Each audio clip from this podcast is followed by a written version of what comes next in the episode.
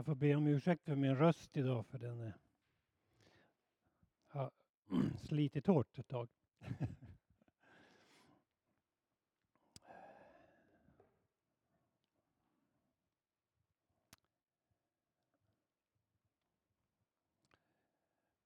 Hur många av er har en sån här? Inte just det här märket men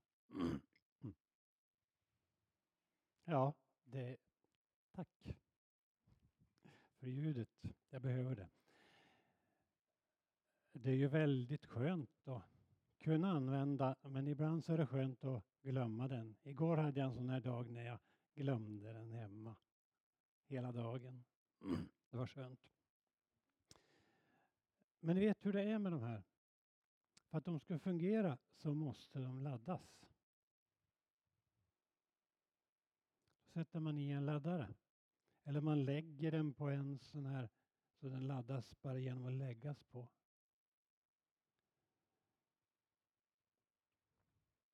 Vi människor behöver laddas. Annars så tystnar vi. Ja, vi kan väl fungera bättre än, en mobiltelefon. Men att ha den här äh, värmen, glädjen och kärleken. Så att man inte bara fungerar rent mekaniskt. Jag går genom livet och bara, det är bara automatiskt alltihopa. Tänk att möta en levande människa som ser vad Gud har gjort i naturen och allt det här fantastiska och glädjas över det. Kunna dela med sig utav kärlek och glädje och atmosfären runt om sig, friden. Då behöver jag laddas för att vara sån. Och var söker jag min laddning? Jag hoppas ni som har kommit hit idag är här för att ni vill ladda er. Inte av mig och mina ord, men ifrån Gud. En stund när ni bara inriktar er på att suga åt er närheten utav Gud, ligga på laddaren. Möta Jesus. Glädje, det är ju en väldigt stark känsla. Jag måste säga att kärlek är ännu större, djupare. Jag ska tala om en person som grät. Då kan man ju tycka att det inte var glädje. Men hörni, hur många av oss har inte gråtit glädjetårar? En djup känsla av kärlek och glädje så att tårarna lossnar. En del människor har svårt för att gråta. Tårflödet kommer inte. Jag ska läsa en Jesus-text. Och det är därför att jag, jag vill tala om längtan efter ett möte med Jesus och spegla oss själva i den här texten. Att fyllas med kärleken från Jesus som är renheten själv, som är helig och stark. Att få liksom få in det i mitt eget liv och upptäcka att Gud har en mening med mig. Gud har en mening med dig. Det mest fantastiska att uppleva det är ju att du är förlåten i livet. För misstag och försumligheter. Och inte bara emot människor utan mot Gud. Att få vara förlåten, att få vara ren och fri. Tack vare Jesus, hans egen son Jesus Kristus. Hur mycket älskar du Jesus? Ställ den frågan till dig. Hur mycket älskar jag Jesus? Hur mycket tänker jag? Beundrar jag? Talar gott om? Lär mig utav Jesus, för jag älskar honom. Hur mycket formade mitt liv? Eh, jag kommer ihåg en episod när en av de som skulle vittna i en gudstjänst. Hon kom upp på estraden och mötesledaren sa att ta och berätta någonting om ditt liv, hur svårt du har haft det. Hon hade bakom sig ett liv i droger och mycket misär. Beroende och slaveri. Hon kommer fram, eller hon tar micken och så står hon där och så börjar hon, mitt liv har varit... Efter en stund så står hon bara och gråter. Och så vänder hon sig till mötesledaren som har bett henne berätta och så säger hon Får jag inte berätta om Jesus istället? Det var Jesus som hade lyft henne ur det där livet som hon levde så tufft och så svårt och så sargat i. Men Jesus hade lyft upp henne och gett henne ett helt annat innehåll av glädje, av kärlek, av renhet och frihet. Får jag inte berätta om Jesus istället? Jag tycker det är så starkt den här episoden. Jesus som har gett oss ett nytt liv. Nu ska jag läsa bibeltext. Och då läser jag Lukas 7.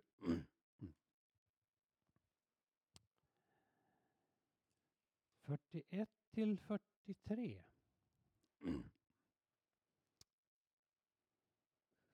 Förresten, jag gjorde en liten skiss. Ni får titta på den också.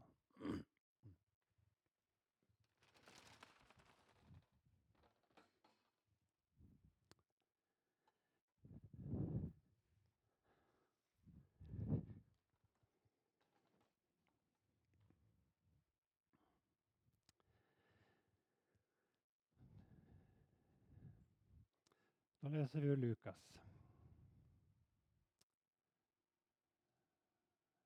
Två män stod i skuld hos en penningutlånare.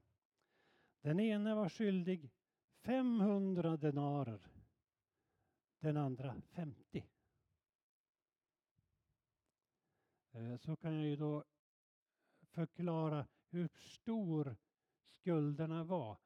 En denar, ungefär en dagsinkomst. 50 denarer, alltså en två, två och en halv månads arbete. Hela den lönen var han skyldig. Den andra hade 500 denarer. Det rör sig om mer än två års, två och ett halvt års hela lön som man stod i skuld till en penningutlånare. Och ni vet på den tiden vad det innebar när man var så skyldig att man måste då kanske ge sig som en slav till den som man var skyldig till.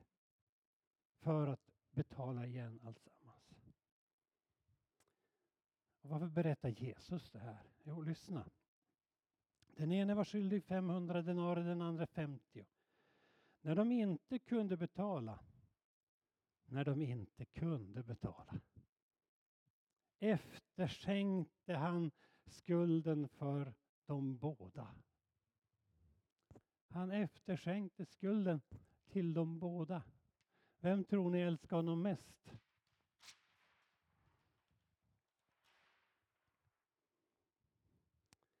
Vem tror ni kommer att älska honom mest?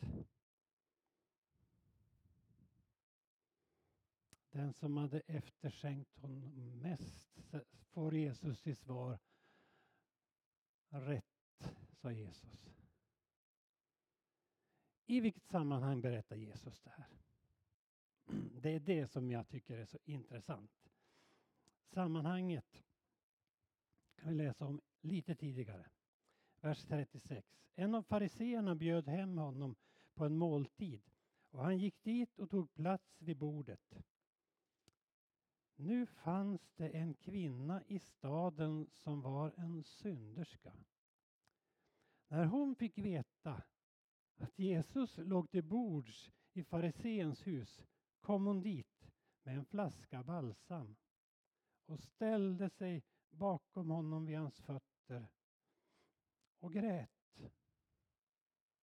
Hon vätte hans fötter med sina tårar och torkade dem med sitt hår. Hon kysste hans fötter och smorde dem med sin balsam. Farisén som hade bjudit honom såg det och sa för sig själv Om den mannen vore profet, alltså om Jesus vore profet, så skulle han veta vad det är för sorts kvinna som rör vid honom. En synderska.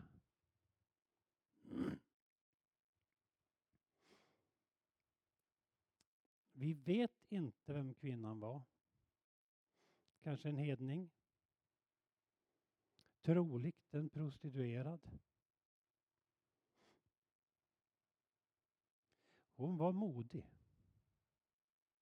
Det var inte ovanligt att det var en fest hos såna här stora, i sådana här stora hem att det kom in människor och ville träffa och prata med någon av gästerna. Så det var inte så ovanligt. Men hon trängde sig in på ett ställe där hon var illa sedd. Gick knappast med något högt huvud och stoltserade in i salen utan hon gick in i ett rum där hon inte var omtyckt, inte uppskattad, inte välkomnad. Hade de vågat en del gäster så hade de kastat ut henne. För vad hade hon där att göra?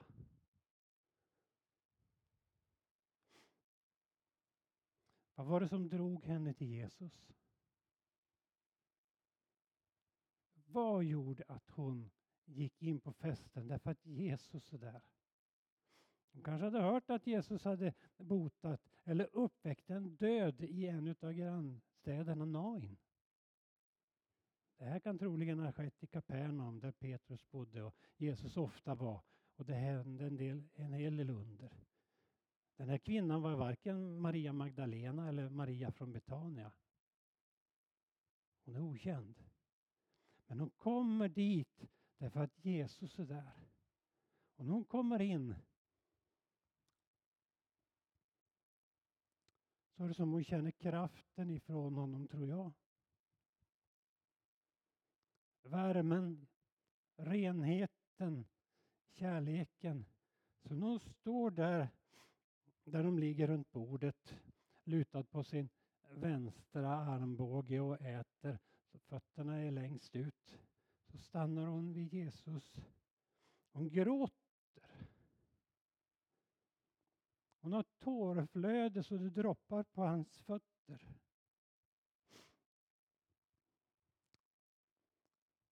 Och Jesus han har ju tagit av sig sandalerna. Den fine inbjudaren, värden, hade inte brytt sig om Jesus. Normalt när det kommer en fin gäst så tvättar man deras fötter. Eller åtminstone erbjuder de vatten och, så att de kan tvätta sig ren innan de lägger sig till bords. Men när hon gråter så rinner dammet och smutsen på Jesu fötter. Hon ser det, hon tar håret det närmaste. Gnider av Jesu fötter med sitt eget hår.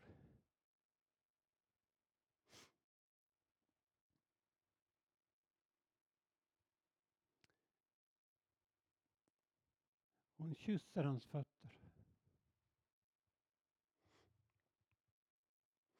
I kärlek.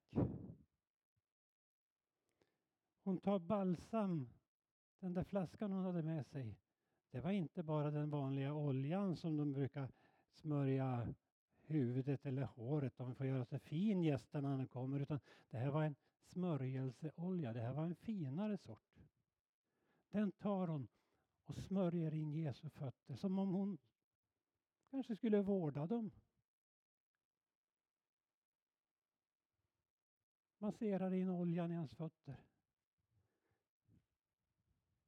Om Jesus vore profet så visste han att den där kvinnan var en synderska. Att han ens låter henne röra vid sig. Han blir ju oren. Men sån var inte Jesus. Jesus han åt med tullindrivarna. Han åt med dem som hade svikit landet. Han gick hem till dem. Han umgicks med syndare. Varför det? Därför att han brann av kärlek till dem som har det svårast. Till dem som har det svårast brann Jesus mest för. Han kunde vara hård och sträng mot fariseer och självgoda. Kanske var den här världen, Simon som hade inbjudit Jesus den här gången, en av de där som han så hårt fick kritisera, fariseerna. De ville så gott. De ville vända på utvecklingen, den religiösa utvecklingen i landet och få folk mer gudaktiga. Men de hade skrivit regler och paragrafer som människorna inte klarade av. De la tunga bördor på människorna men gjorde ingenting för att lyfta det. Så den här kärleken den, den fanns runt Jesus. Den atmosfären. Inte undra på att människor smälte och, och grät. Om han visste.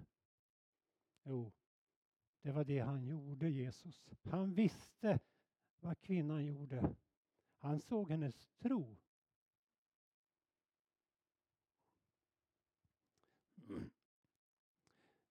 Kvinnan hade tro på Jesus. Han säger sen, vi ska läsa några verser till så ni får hela sammanhanget. I 44 versen står det, han säger till Simon, du ser den här kvinnan. Jag kom in i ditt hus och du gav mig inte vatten till mina fötter. Men hon har tvätt mina fötter med sina tårar och torkat dem med sitt hår. Du gav mig ingen välkomstkyss, men hon har kysst mina fötter hela tiden sedan jag kom hit. Du smorde inte mitt huvud med olja, men hon har smort mina fötter med balsam. Därför säger jag dig, hon har fått förlåtelse för sina många synder. Så hon har visat stor kärlek. Den som får litet förlåtet visar liten kärlek. Och han sa till henne, dina synder är förlåtna. Din tro har hjälpt dig. Gå i frid.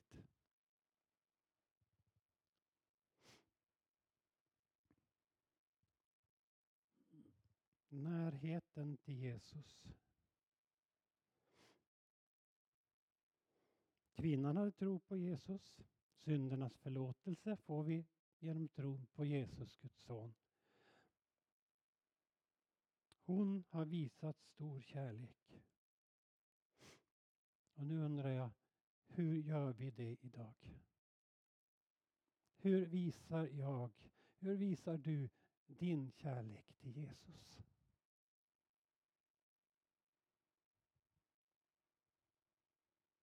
Jag tror att om man håller sig på långt avstånd från Jesus, man tror på Jesus men man är inte så nära honom.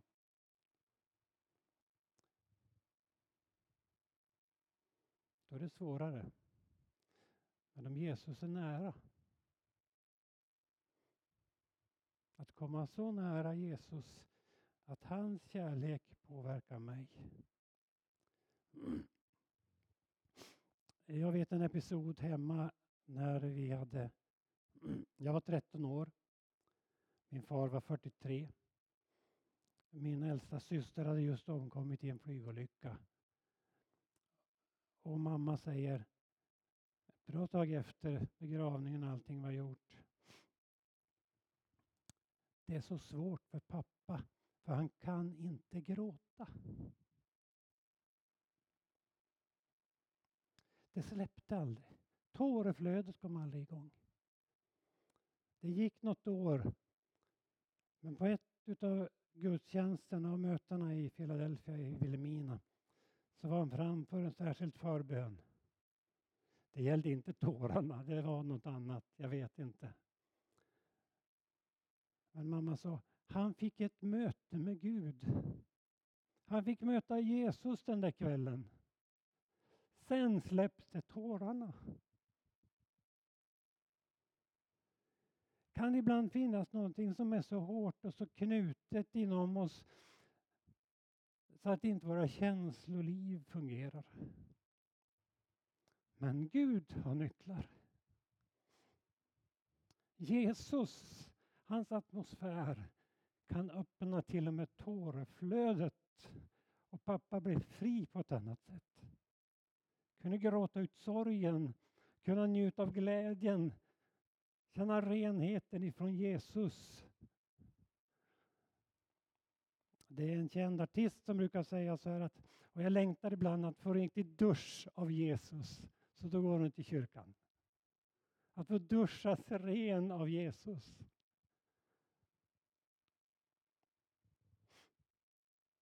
Hur visar vi kärleken till Jesus? Den som får litet förlåtet älskar också litet.